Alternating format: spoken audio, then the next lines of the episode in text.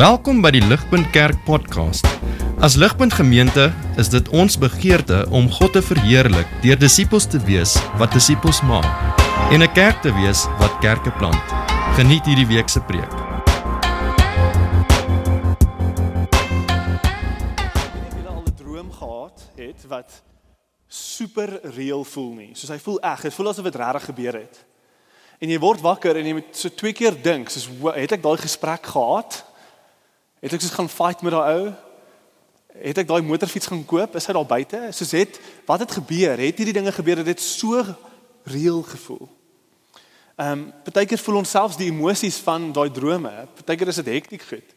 Ehm um, ek en uh, my vrou het beide COVID gehad. Ehm um, en een van die simptome van COVID is dat jy hierdie diep lewendige aktiewe drome kry. Jy slaap en dit voel asof jy letterlik 'n sepie lewe. Dis is wat gaan aan. En die ding wat jy moet weet is my vrou was al 'n dromer voor sy COVID gehad het.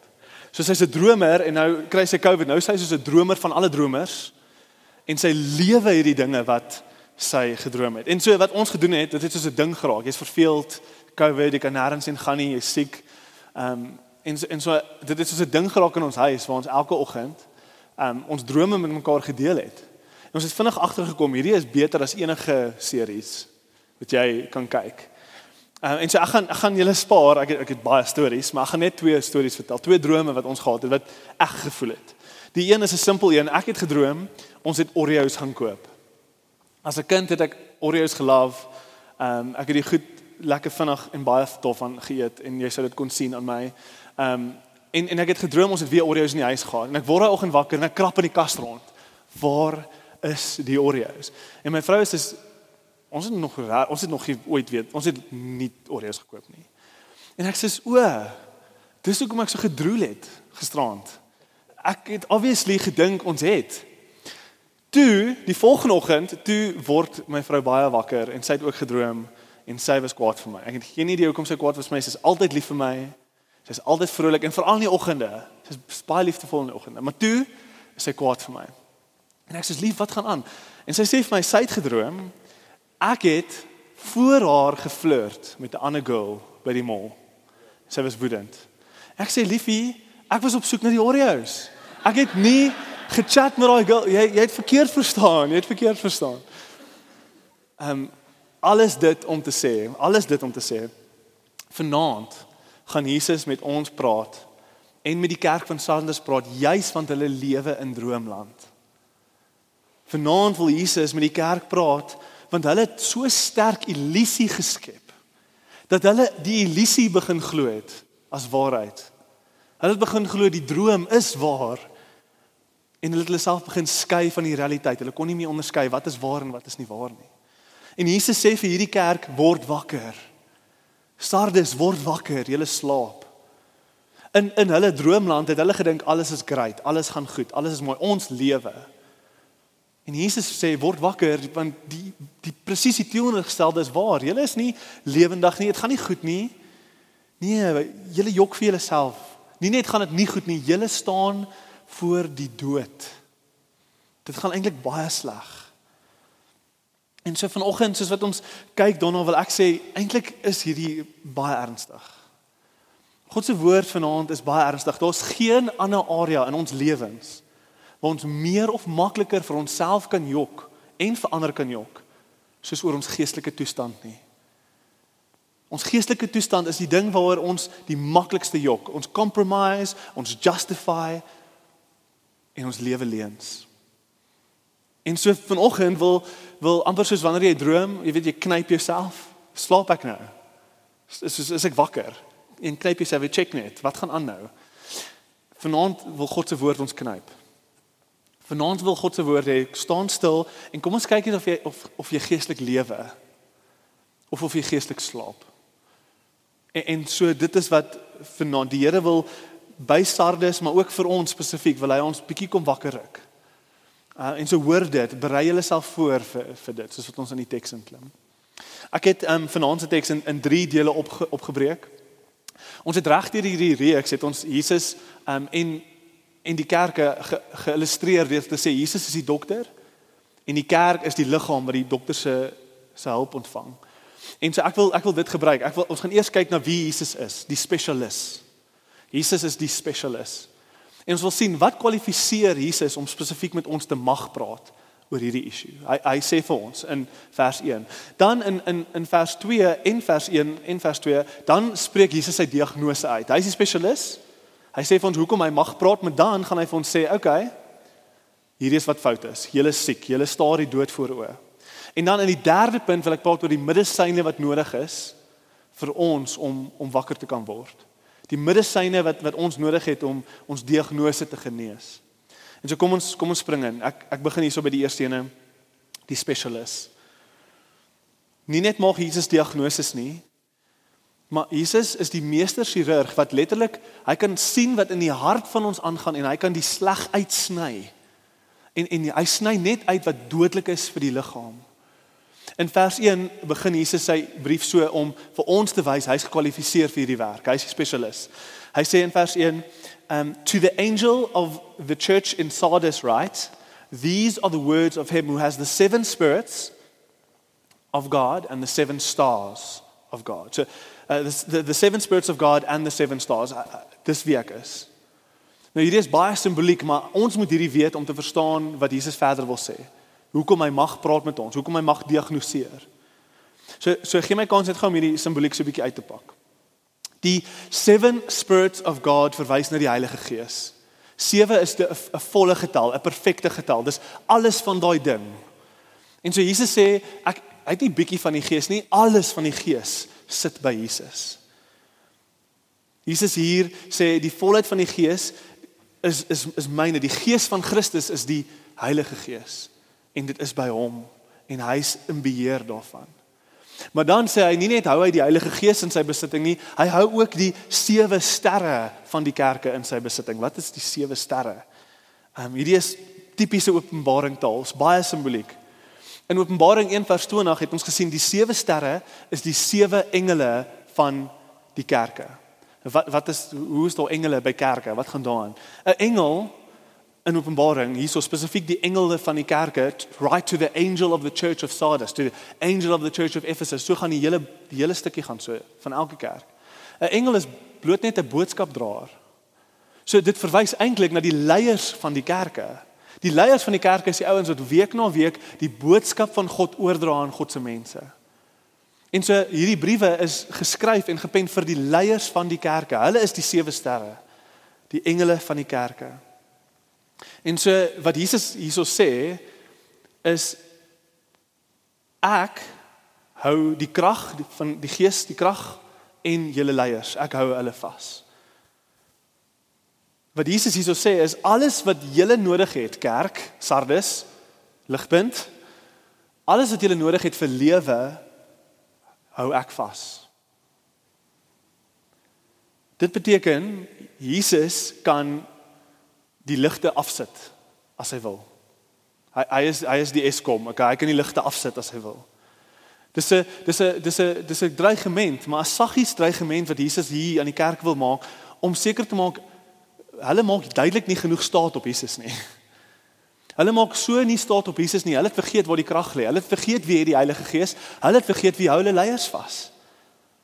Alles wat nodig is vir 'n gesonde kerk hou Jesus in sy besitting. Die enigste ding wat krag en lewe kan bring vir 'n kerk wat wat die dood vooroor staar. Enigste ding wat lewe kan bring waar daar dood is, is is die Heilige Gees. Dis nie die Heilige Gees nie, Jesus sê ek het dit. Daai krag lê in my hande. En en so ook die leiers, die leiers wat ons kerke bestuur en lei, my geestelike veiligheid. Die Here sê hy hou dit vas. Ek dink aan aan Petrus in Lukas 22. Eh, Jesus sê vir Petrus: "Petrus, Petrus, Satan wil jou sif. Maar ek het vir jou gebid sodat jou geloof nie in mekaar sal val nie. Dis dis so iets. Dis wat Jesus hierso sê. Hy sê as julle leiers in julle oë te belangrik is. As julle julle leiers 'n uh, 'n uh, idol idolatry, julle julle sit hulle op 'n pedestal. Hulle is alles. Hulle is amazing. As julle te veel dink julle leiers kan vir julle gee net wat Jesus vir julle kan gee, dan sê die Here hierso julle maak 'n groot fout. Alles vir 'n gesonde kerk lê by my, die krag van die Heilige Gees en die gesondheid van julle leiers. Ek bid vir julle leiers sê Jesus, sodat hulle nie mekaar sal verstort nie. En so dis Jesus. Hy sê dis die dis wie ek is. Ek is gekwalifiseer om nou met julle te praat oor wat regtig aangaan in julle kerk. Want die krag lê by my. En so dis Jesus die spesialis. Wat is dit dan die diagnose? Tweede punt. Wat is Jesus se diagnose? Wat sê hy dan as die spesialis vir die kerk? In vers 1 het ons gelees um I know your deeds, I know your works. You have a reputation, Sardis, of being alive but you are dead. Dis Jesus se diagnose. Die die sleutelwoord hierso is reputasie. Okay, ons moet ons moet ons moet verstaan reputasie. Daai is 'n ontsettende belangrik woord. Al die geskiedkundiges, verskoon my, al die geskiedkundiges wat skryf oor Sardes, sê dat Sardes was die senterpunt van glorie en rykdom as 'n stad wat geassosieer was met verskeie Griekse konings. Dit was nie net nog 'n stad nie, dit was die stad. Almal wou in Sardes gaan bly. Maar toe hierdie in die eerste eeu toe hierdie brief geskryf was aan Sardes, toe was Sardes maar net 'n skaduwee van wat hy was. Die stad het geld gehad, maar was besig om agteruit te gaan. Omdat Sardes nie meer geografies belangrik was in die Romeinse ryk nie, dinge het verander. Sardes se legendariese reputasie het nie meer ooreengestem met sy werklikheid nie. En so hierdie is die vraag, wat gebeur as jy lewe in die glorie van die verlede? Wat gebeur as jy vashou aan 'n reputasie wat was maar nie meer is nie? Die antwoord is jy dink jy lewe maar jy's dood. Die antwoord is jy begin lewe in droomland. Jy begin vir jouself 'n illusie skep van die verlede want dit is te moeilik om die realiteit te face. So kan julle sien hoekom Jesus se woorde so skerp is want hierdie het nie net die stad se geskiedenis in ag geneem nie, maar hierdie was duidelik besig om in die kerk ook te gebeur. Ons lewe on, ons het 'n reputasie, maar ons is eintlik dood. So hoe sou hierdie gelyk het? Dink net gesaam met my, dag tot dag in die kerk se lewe, hoe sou hierdie gelyk het? Julle lewe maar julle is dood, okay? Ek glo in die dag tot dag lewe van hierdie kerk sou dit gelyk het soos dalk baie soos in Pretoria vandag. Almal is is Christene. Almal almal sit 'n goeie lewendige vertoning op van wat dit beteken om 'n Christen te wees. Hulle almal sou kerk toe gegaan het. Hulle almal sou uit hulle pad uit gaan het om te help en om by hulle buurman uit te kom.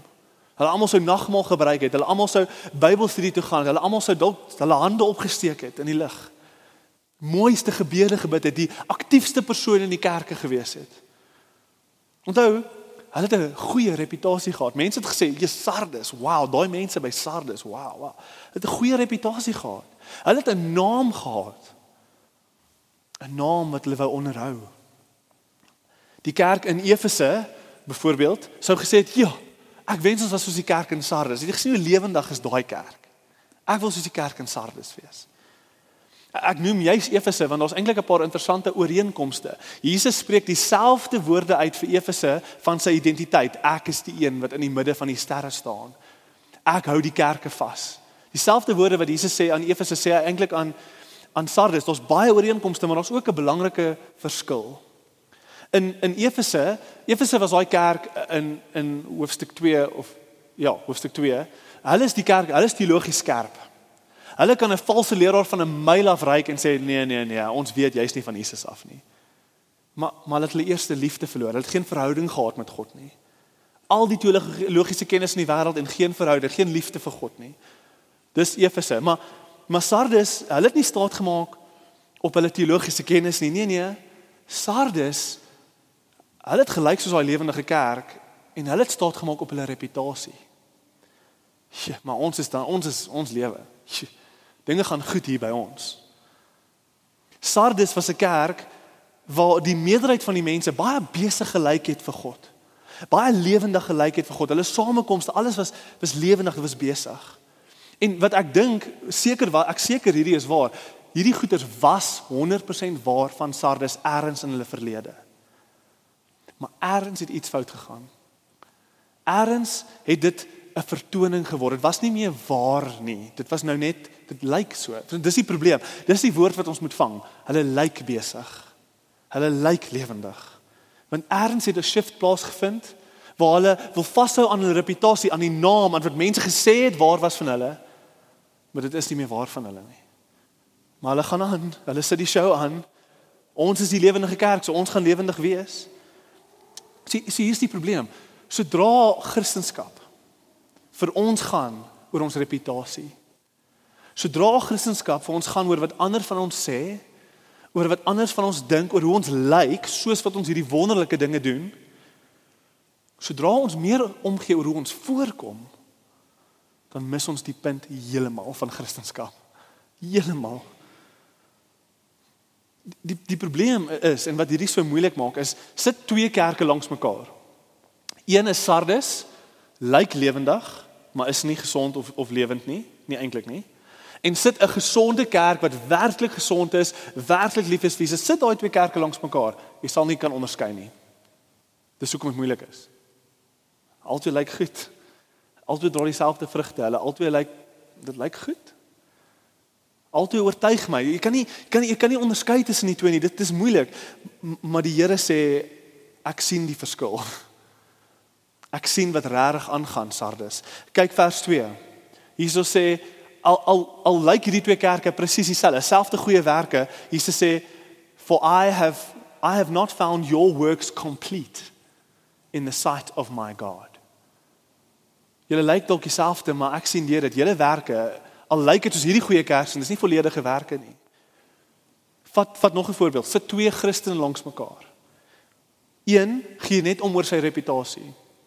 Een wil goed voorkom, maar sy hart is nie daar nie. Die ander ene is regtig lief vir Jesus.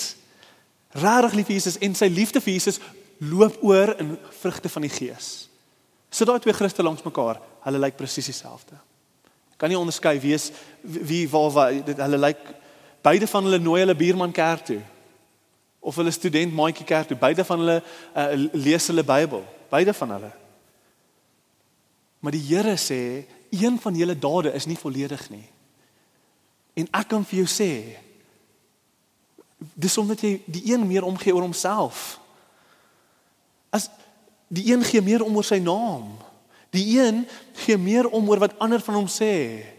Die een gee meer om oor die boksies wat hy moet check en hoe hy voorkom.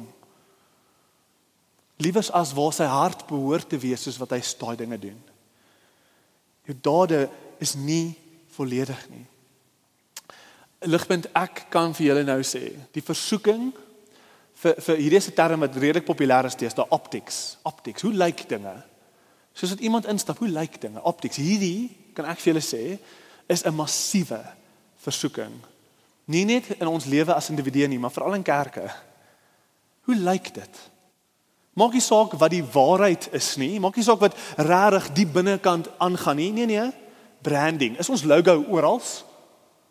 Weet mense, hulle is in ligpunt is 'n gebou. Is ons banners uit? Is ons koffie lekker? Is ons is ons leiers charismaties en cool en kwaai en en en lekker ouens? Hoe lyk dit? Hoe ervaar mense ons? Maak nie saak wat regtig aangaan in die kerk nie. Nee nee, optics. Maak nie saak oor eintlik gaan dit oor wat mense dit is 'n huge ding, veral in 'n wêreld van Instagram en social media. Ons lewe in 'n kultuur wat absoluut oorloop van mense wat foto's post van hulle vakansies, maar eintlik val hulle huwelike mekaar in. Ons lewe in 'n kultuur waar alles gaan oor hoe lekker jy lyk, hoe gelukkig jou familie lyk, maar ag dit maak nie eintlik saak wat regtig in jou huis aangaan nie of in jou lewe aangaan nie. Hierdie is 'n verskriklike ding in ons kultuur. En dis in die kerke vandag. En ons moet dit sien. Jesus praat, Jesus praat met ons. Die beste voorbeeld in vers 4 wat ek kan sien is is hierdie idee van soiled garments. Hierdie is 'n kragtige idee wat Jesus vat om om ons uit te beeld presies hoe hoe hierdie lyk in ons lewens. So Jesus sê in vers 4, "Yet you still have a few names in Sardis." Hierdie is sy diagnose. People who have not yet soiled their garments. Ek ek wil nie kras wees nie, maar ek wil hê julle moet verstaan wat soiled garments beteken. Okay? Hierdie is 'n voorbeeld van van optics. Alles lyk goed. Maar maar dit gaan eintlik regtig nie goed nie. Okay. Hierdie soil garments is nie jy wat by 'n troue opdaag en ag, oh, mos 'n bietjie wyn op jou hemp. En nou moet jy heel troue rondloop met 'n vuil hemp nie. Ag nee. Dis nie dit nie. Okay. Soil garments is meer soos jou maag werk en jy het nie betyds by die badkamer uitgekom nie. Dis soil garments. Okay, ek gaan myself nou in 'n awkward posisie sit, maar is fyn. Verbeel dit het met my gebeur. Verbeel ek staan in die hoekie en ek het nie betyds by die by die badkamer uitgekom nie. Ek lyk deftig. Ek's reg vir my troue. Alles is skoon en mooi. Maar hoe nader jy aan my kom, hoe meer ongemaklik gaan jy sien ek lyk. Okay. Dis die punt. As as dit as dit vir jou gaan oor optics, is dit jou hart. Dis 'n soiled garment. Jy lyk dalk mooi. Dis dis regtig 'n kragtige punt en 'n regtig kragtige prentjie en ek wil hê ons moet hoor. Asseblief hoor hierdie. In jou Christelike loop loop met Jesus, in jou Christelike lewe. Asseblief hoor hierdie. Dit gaan nie oor hoe jy lyk nie. Dit gaan alles oor waar jou hart regtig is. Dis al wat die Here sien. Hy sien jou hart. Hy sien hoe jy voel terwyl jy Bybel lees, oor Bybel lees. Hy sien hoe jy voel oor jou bid soos wat jy bid. Hy sien hoe jy voel soos wat jy goed voorkom vir almal. Hy sien jou hart en dis alwaar hy omgee. En as ons ons hart minag, as ons minag die sondes en die seer en die gesukkel wat ons harte ervaar, as ons dit minag, speel ons games. Ons is 'n droomwêreld en en niemand weet wat regtig aangaan in ons lewens. Ons mag mooi lyk aan die buitekant, maar ons het soiled kamers. Dis Jesus se diagnose. Julle lyk lewendig, Sardes, maar julle is dood. So wat is die wat is die medisyne? Wat is die medisyne? Die medisyne sien ons is in vers 2 alipad tot by vers 5. Hierdie is is 'n redelike stukkie wat ek nou wil tackle. In vers 2 tot vers 5 dis dink gou diskem, okay? Jy gaan dokter toe en die dokter gee vir jou 'n voorskrif en op daai voorskrif is selde is daar een ding. Daar's gewoonlik 'n lysie goeders wat jy moet doen. En Jesus gaan dieselfde doen. Hy gaan vir ons medisyne gee om ons te red. Om ons wakker te maak uit uit uit die dood uit waarin ons slaap. Maar dit dis 'n lysie goeders. So wat Jesus hier doen is hy gee vir ons twee opdragte, 'n waarskuwing en twee bemoedigings. En hy sê dit is jou medisyne. Dit is jou medisyne. So so dink dink dink lysie, dink 'n paar goeders en ons gaan so 'n bietjie tyd hier spandeer. Ons gaan eers kyk na vers 2 en 3 die die opdragte en die waarskuwing en dan gaan ons kyk na die bemoediging. So kom ons begin daarso, vers 2 en 3. Hier is die eerste opdrag: Wake up. En die tweede opdrag: Strengthen what remains and is about to die. Uh, for, for I have found your deeds unfinished, incomplete in the sight of my God. Remember, therefore, what you have received and heard, and hold fast to it. En dan die tweede helfte van vers 3, dis die waarskuwing. But if you do not wake up, I will come like a thief and you will not know at what time I will come to you. So twee opdragte en 'n waarskuwing. So die eerste opdrag is word wakker. Die die liefdevolle ruk en pluk van Jesus aan jou kraag. Word wakker, word wakker, jy slaap. Die die eenvoudig gestel wat Jesus hierso vir ons sê is, gaan ons nou dat ons weet wat aangaan in ons harte, ons het die diagnose gehoor, gaan ons nou eerlik wees oor waar ons regtig is in ons geloofslewe. Gaan ons wakker word. Gaan ons eerlik wees oor waar ons harte regtig is. Ons het alles nou op sy gesit. Nee nee, wat gaan in jou harte aan? Of gaan ons aanhou maskers dra?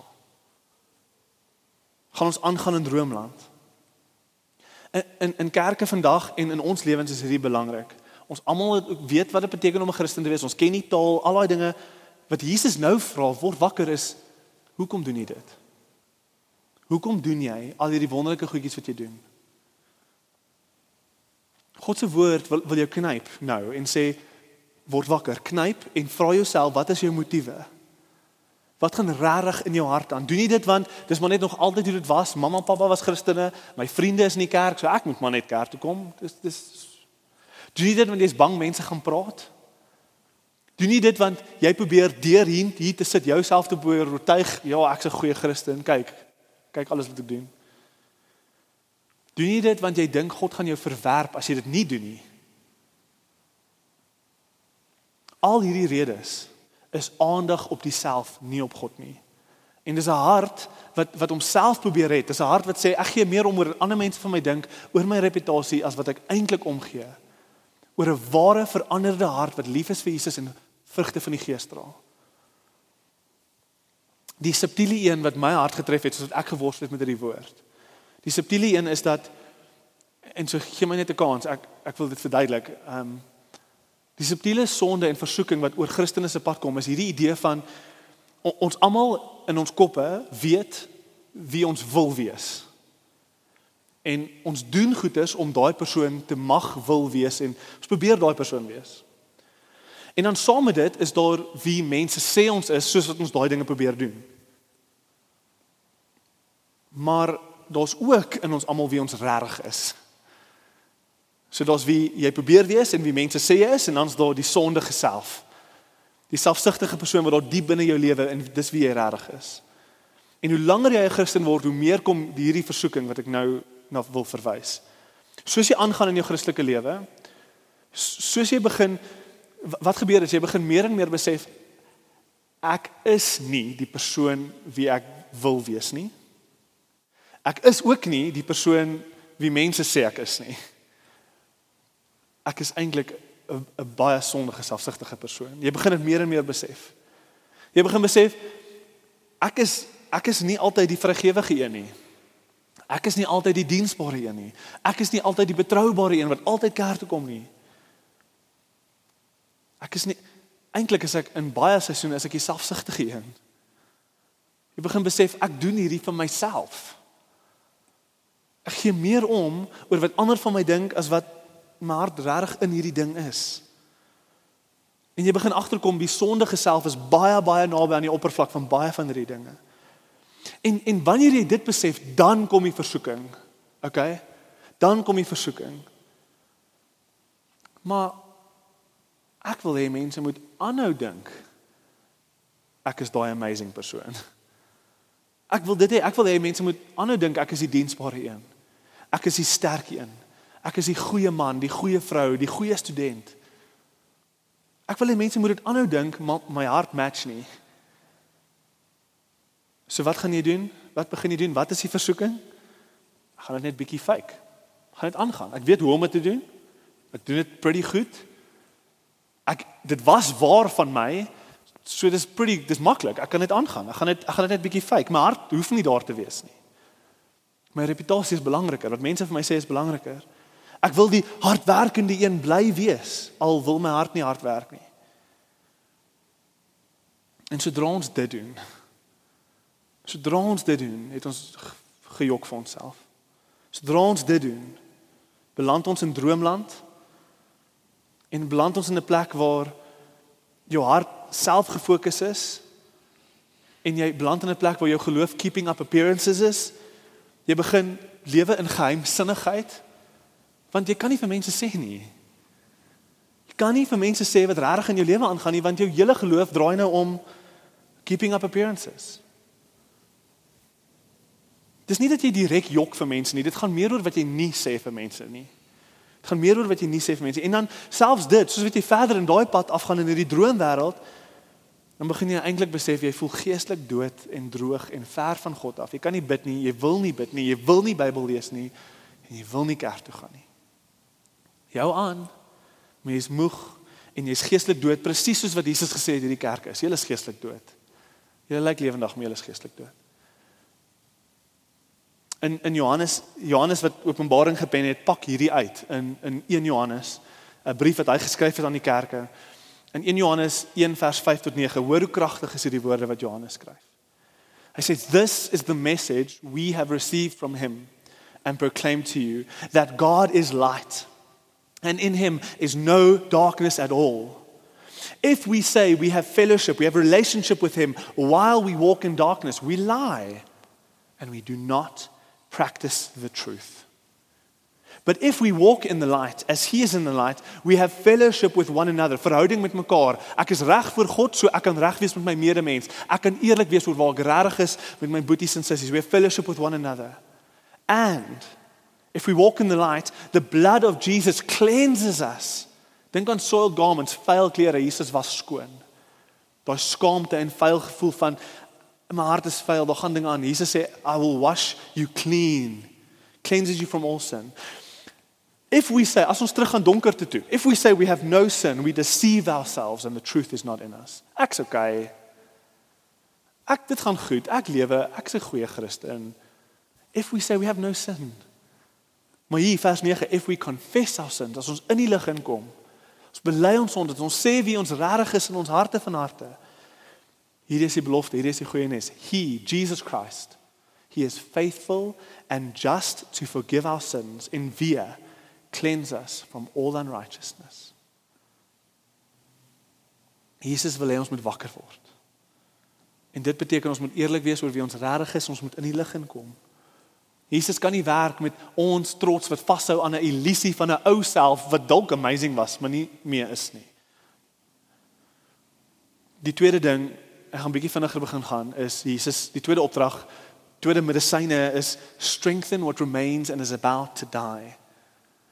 En en en hy sê vir ons presies hoe dit lyk. Hy sê hierdie is hoe hierdie opdrag lyk. Remember therefore what you have received and heard, keep it and repent. So hy sê hierdie is hoe jy strengthen what remains to die. Hierdie is goeie nuus. Okay.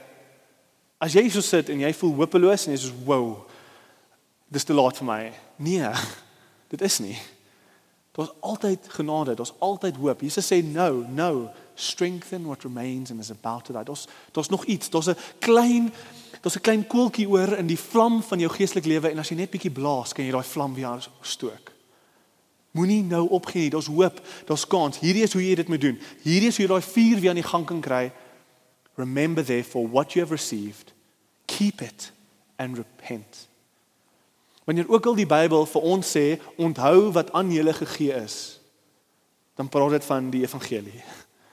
Daar's nooit in die Bybel waar die Bybel verwys na iets wat oorgedra is wat hulle aan moet vashou word dit nie verwys na die goeie nuus van Jesus se kruisdood nie. Dis altyd die evangelie. Jesus het gesê vir die sy apostels, onthou wat ek vir julle gee en gaan gee dit vir die kerke. Paulus sê vir amper al die kerke, moenie laat gaan van die boodskap wat julle by my gehoor het nie. Hou vas aan daai boodskap. Dis julle lewe. Die evangelie is julle lewe. Paulus sê al kom 'n engel van die hemel en preek vir julle 'n ander boodskap wat anders is as die evangelie, moenie luister nie. Hou vas aan die suiwer evangelie wat julle by my gehoor het. Daar's niks beter nie. Daar's niks anders nie en vanaand kom die Here weer, Jesus en hy sê vir julle, hou vas aan die evangelie. Moenie die evangelie vergeet nie. Dis goeie nuus vir julle harte. Dis genesing vir julle sondes. En die evangelie is dit. Die evangelie is dat ten spyte van ons sonde, ten spyte van ons verwerping van God, verwerp hy ons nie. Hy stuur sy seun wat ons kom kleed in sy geregtigheid. Ons gaan nou daaroor praat. Hy wit kleed. Hy was jou skoon van jou sondes. Hy hy beweeg na jou toe in jou sonde, nie weg van jou af nie. Jesus het nie gekom om die persoon te red wie jy wil wees nie. Jesus het nie gekom vir die persoon wat jy wens jy kon wees, werkende, hardwerkende, suksesvolle, uitgeknipte mensie wat wat mooi is nie. Hy het nie gekom vir daai persoon nie. Jesus het nie gekom vir die amazing persoon wat jy was nie. En Jesus het nie gekom vir die mens wat mense sê jy is nie. Nee. Jesus het gekom vir wie jy regtig is. Vir die diep sondige selfsugtige self wat onder alles lê. Daai persoon wat jy wegsteek en vanaf probeer weghardloop. Hy het gekom om daai persoon te red en verlos van sonde. Dit is wie hy soek. Jesus sê hierso Sardes, ligpunt, sal jy vashou aan die evangelie en bekeer? Dis eintlik maar hoe ons wakker word, nê. Nee. Ons ons word wakker deur te bekeer van ons sondes. Ons sê, "Oké, okay, ek het 'n leuen gelewe en Here, hardop voor God, jy bid." Erns in die privaatheid van van vanaand of môreoggend of in hierdie week moet jy erns bekeer. Jy moet sê, "Here, ek het 'n leuen gelewe." Ek het voorgekom as hierdie persoon wat hierdie amazing goeders doen, as iemand wat lief is vir Jesus, maar my hart is nie meer hier nie. Here, ek is jammer, ek is jammer ek het gelieg. Ek sê maar ek het 'n game gespeel. Ek sê maar ek het droom. Ek sê jammer, Here, en dan draai jy weg. Jy sê Here, ek draai. Bekering is draai, nê? Ek draai. Here asseblief red my. Sal U weer opnuut my kom red in die evangelie kom lewendig maak in in my lewe? Sal U my weer hierdie genade kom gee, hierdie liefde kom gee? Sal U kom doodgaan en my vergewe vir wie ek regtig is? Hierdie is wie ek regtig is. En dan om dit te aanvaar, om te aanvaar, hy kleed jou in sy geregtigheid. Daar's daar's soveel dinge wat ons in die geheimsinnigheid van ons hartjies doen. Maar bekering moet 'n hardop ding wees voor God in God se teenwoordigheid, ergens in die privaatheid van jou week. Hou vas aan die evangelie en bekeer. Sê jammer en aanvaar weer vergifnis. Dit is so belangrik. Ons sien dit oral in die Bybel. Dan kom die waarskuwing, nê? Nee? So ons het nou twee opdragte gedoen. Hierdie is die medisyne. Nou kom die waarskuwing. Wat as ons nie hierdie doen nie? Jesus sê hy gaan soos 'n dief in die nag kom. As ons nie hierdie woorde ernstig opvat nie. Hierdie woorde verwys nie eintlik eerstens na Jesus se wederkoms nie. Eintlik verwys dit na die dood toe. Dit verwys na die dood toe wat onverwags lê en wag vir ons almal. Nader aan ons as wat ons ooit besef. Vanoggend toe ons kerk toe ry, sien ek 'n kar ongeluk. Die ambulans was nog eers daar nie. Daar was klomp mense, maar die ou het letterlik op die pad gelê. Dis baie baie onwys van ons om te dink ons gaan almal hier 90 jaar oud word. Gaan loop bietjie in 'n begrafplaas rond en kyk die datums. Weet jy hoeveel 25 jariges lê nou in die grond? Ek bedoel dit want dis wat Jesus sê, ons weet nie wanneer die dood vir ons gaan kom nie. Ons weet nie dat wanneer daai kar in ons tref of daai dokter oor jou staan, dan Jesus sê dan dit te laat. Hy gaan soos 'n dief in die nag kom. Jy gaan nie weet nie en dan gaan jy voor die troon van God staan en jy gaan moet verduidelik en jou leuns gaan jou uitvang. Jou leuns gaan jou uitvat. Dis 'n dis 'n ernstige, liefdevolle waarskuwing om hierdie woorde baie ernstig op te vat. En en ek wil julle aanmoedig, moenie moenie wag nie. Tree in erns op. Moenie die krag van sonde onderskat in jou lewe soos wat jy nou hier so sit nie. Oor 2 oor 'n week van nou af, nê, nee, as jy nie hierdie week iets doen met God se woord nie. Oor 'n week vanaf beland jy weer in droomland. Dis dis hoe erg ons is. Dis hoe maklik ons onsself kan justify en compromise en vir ons kan self kan sê ons is okay, ek is okay, alles is okay. Moenie die krag van sonde onderskat nie. Hoor wat die Here sê. Maar dan kom die twee bemoedigings. Waarskuwing as jy dit nie doen nie, maar as jy dit doen. Twee bemoedigings. Vers 4 en 5. Lees saam met my. They those who overcome They will walk with me dressed in white, for they are worthy. The one who is victorious will, like them, be dressed in white. I will never blot out the name of that person from the book of life, but will acknowledge that name before my Father and his angels. Toe ek hierdie lees, toe besef ek hierdie is 'n diep begeerte in ons almal se harte. Veral wanneer dit kom by reputasie, ons almal het 'n diep begeerte om skoon gewas te wees. Om nie meer te wil wegkruip en sukkel binne onsself nie. Ons harte wil wil skoon voorkom. Dis kom ons jok.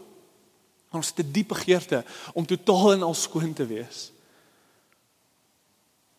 Die eerste bemoediging hier van skoon klere is ongelooflik. Dit wat dit vir ons sê is dat al kom ons in ons geloofslewe oor en oor na Jesus toe, ons bely ons sondes. Ons bely ons sondes, ons bely ons sondes soos wat ons ons sondes bely, is die belofte hier, die bemoediging hier, dan gaan ons eendag presies daai ding ontvang wat ons so graag soek. Eendag gaan Jesus ons letterlik kleed in die witste, helderste, heiligste klere. En jy gaan totaal en al innerlik skoon wees, buite skoon wees en alles jou binne align perfek met jou buite. Daar's geen worsteling tussen jou en jouself nie. Jy's eerlik, jy's opreg, jy's skoon, jy's oop. Die las op jou conscience is is af. Die Here sê as jy aanhou jou sondes bely, gaan ek dit vir jou gee eendag. Eendag gaan ek jou kleed in die witste, helderste klere. Die die tweede bemoediging, die tweede medisyne is is is hierdie idee van name, name. Name is alles wanneer dit kom by reputasie. Almal wil hulle naam, hè? Almal wil hulle naam daar uit hê. Almal wil hê ken my naam, weet wie ek is, weet wat ek bereik het. Die Here sê hierso, soos wat hy praat oor name, een praat hy oor die boek van lewe en twee praat hy oor ek gaan julle naam uitpasyn voor die hemele en voor almal daarso. Ons gaan verder in hierdie reeks gaan ons moontlik weer 'n kans kry om te praat oor die boek van lewe. So ek gaan nie nou te veel daaroor sê nie. Maar, maar weet hierso Jesus se beklemtoning hier, ehm um, Die name wat hy uitvee is 'n heeltemal 'n ander gesprek. Maar wat Jesus hier wil sê is as jy deurdruk, as jy jou sondes bely, al voel jy hoe vuil of hoe ver, as jy jou hoop in Jesus sit, gaan nie eers hy jou naam van die boek van lewe kan uitvee nie. Dis dis geloofsekerheid. Hy sê hy sê as jou hoop in my is, skryf ek jou naam in die boek van lewe en niemand kan hom uitvee nie. Dis geloofsekerheid. Daar's tye wanneer ons worstel met ons sondes. Waar ons so donker voel in ons harte, so ver voel, so soos failures voel dat ons voel ons verdien nie eens dat ons name in die boek van lewe moet wees. Ons doen nie. Maar die Here sê as jy in my vertrou, gaan nie eens ek julle name uit die boek van lewe kan vind nie. Dis dis daar. Al bring ons ons sonde oor en oor na Jesus toe, ons name is vas. En boonop dit, ek gaan julle 'n reputasie gee van my af. Nie 'n reputasie of your own making nie. Nee, ek gaan vir julle 'n reputasie gee. Ek gaan julle name uitpasyn vir al die hemele. Hierdie is ongelooflik. Dink daaraan. Jy sit in die hemel. Jy staan aan Jesus se sy en hy sê, hy sê, hy sê hierdie is my dogter, hierdie is my seun die die punt hier is ons het 'n keuse. Of ons kan nou in hierdie wêreld ons eie naam verhef, ons eie reputasie bou, ons eie koninkryk bou en ons kan in die droom lewe van sonde sonde ek my hart maak nie saak nie. Maar my naam. Almal gaan weet wie ek is. Almal gaan sien hoe dien ek, hoe is ek. Almal gaan al my naam, my naam. Jy kan dit self nou doen, nou kies. Of die ander opsie is jy verneder jouself. Jy laat gaan van jou naam en jy kies Jesus se naam. Jy laat gaan van jou naam. Jy jy bely jou sondes. Jy jy's eerlik oor wie jy regtig is. En dan sê Jesus, dan gaan ek my naam, jou naam uitpolsyn vir die hemele. Ek gaan vir jou die reputasie gee wat jy nou so graag soek. Maar ek gaan dit regtig vir jou kan gee. En dis 'n keuse wat ons het. Of ons doen dit self of ons kies Jesus se naam en ons wag vir die dag wat hy ons name in die hemele voor almal gaan uitskree. Hierdie is my dogter. Hierdie is my seun. Dis ons keuse. Hierdie hierdie is God se woord. Ek ek sluit af. Ek is nie seker waar God se woord geland het ehm um, vanaand nie. Dis 'n harde woord, dis 'n knyp. Ek ek voel die knyp. Ek het dit hierdie week gevoel. Ek weet nie waar God se woord geland het nie. Maar ek wil net nog een keer sê asseblief vat dit vat dit ernstig op van ons moet wakker skrik.